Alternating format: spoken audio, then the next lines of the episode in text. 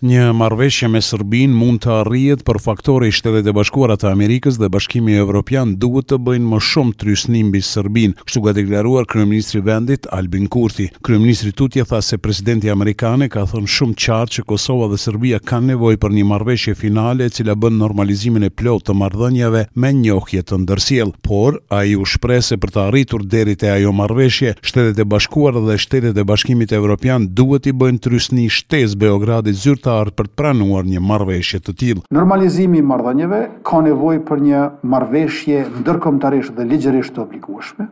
Dhe kjo marrëveshje duhet ta ketë njohjen reciproke në qendër. Unë besoj që kjo është e mundur, sepse besoj në fuqinë e Bashkimit Evropian dhe të Shteteve të Bashkuara të Amerikës që të bëjnë trysni shtesë mbi Beogradin. Ndër të tjera, kryeministri Kurti theksoi se Kosova është shtet normal dhe ka shënuar hapa të mëdhenj në këto dy vitet e fundit dhe kjo dëshmohet edhe me stabilitetin institucional që ka vendi. Por sipas Kurtit, fakti që Kosova është shtet normal nuk do të thotë që edhe marrëdhëniet janë normale me fqinjin verior. Ato marrëdhënie duhet të normalizohen, mirëpo ne jemi të bindur që këto marrëdhënie nuk janë normale për shkak se siç e ka cilësuar edhe Freedom House, Serbia është regjim hibrid, që është një lloj eufemizmi për autokraci. Kryeministri foli edhe për deklaratat e presidentit serb Aleksandar Vuçiç se nëntë shtete kanë hequr vendimin për njohjen e pavarësisë së Kosovës. Ai deklaroi se asnjëri prej pretendimeve që e kanë dhënë në Beograd, nuk është vërtetuar nga Ministria e Punëve të Jashtme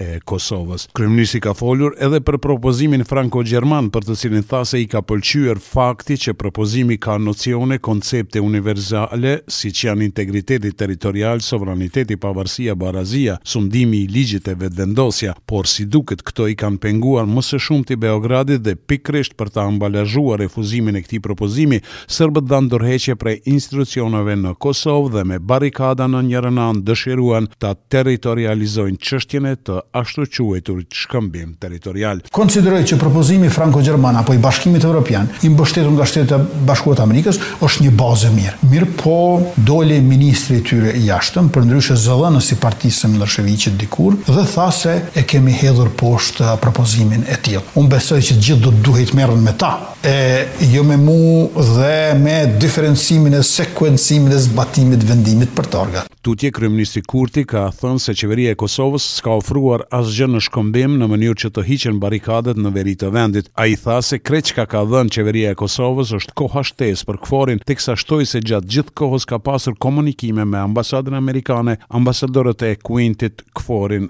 dhe EULEX-in. Ka pasur me Ambasadën Amerikane, ka pasur me ambasadorët e Quintit dhe sidomos me KFOR-in edhe me EULEX-in, po ne nuk kemi ofruar asgjë në shkëmbim përveçse kohën shtesë për KFOR-in dhe gjithashtu ishte e qartë që ato barrikada u ngritën nga strukturat ilegale të Serbisë që u shndërruan në banda kriminale pikërisht në kohën kur ne u dakorduam t'i shtyjmë për prill të vitit dy mijë e njëzet e tre zgjedhjet në katër komunat në veri. Mu atëherë kur ne e bëmë një koncesion, ata i ngritën barrikadat, sepse kishin ngelur pa pretekst. Tutje Kurti ka thënë se Policia e Kosovës do të ndërhynte për t'i hequr barrikadat para Vitit të Ri, nëse ato nuk do të hiqeshin, teksa shtoi se barrikadat edhe u vendosën edhe u hoqën nga frika. Në fund, kryeministri Kurti ka deklaruar se në muajin janar do të presin vizita të të gjithë emisarëve, atij evropian, amerikan, nga Berlini dhe nga Parisi, siç thotë Kurti për t'i dhënë një hov të ri dialogut për marrëveshje. Gjatë janarit pritet të ketë intensifikim të dialogut ndërmjet Kosovës dhe Serbisë, por do të jetë i vështirë realizimi i një takimi të nivelit të lartë në Bruksel. Kështu vlerësojnë njohës të rrethanave politike në vend. Profesori i marrëdhënieve ndërkombëtare, Valon Murtezaj, thotë se për Kosovën është shumë i rëndësishëm procesi i dialogut për shkak se nga rezultatet në këtë dialog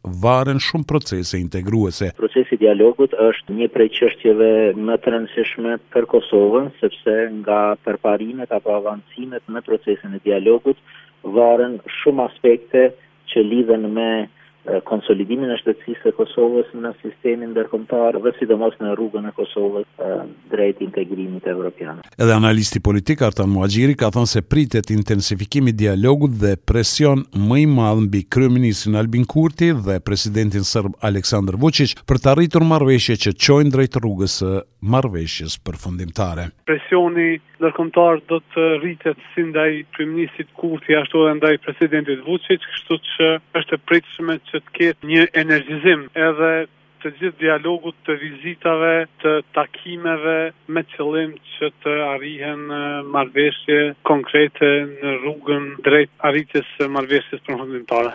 Ndryshe, kryeministri Albin Kurti ka deklaruar disa herë se në muajin mars Kosova dhe Serbia pritet të arrijnë marrëveshje pa specifikuar nëse bëhet fjalë për marrëveshje me njohje reciproke. Në anën tjetër, ndërkombëtarët kanë shtuar presionin ndaj palës kosovare për të formuar Asociacionin e Komunave me Shumicë Sërbe. E për Dialogun, analisti Blerim Burjani thotë se tema e Asociacionit nuk duhet të shtrohet më.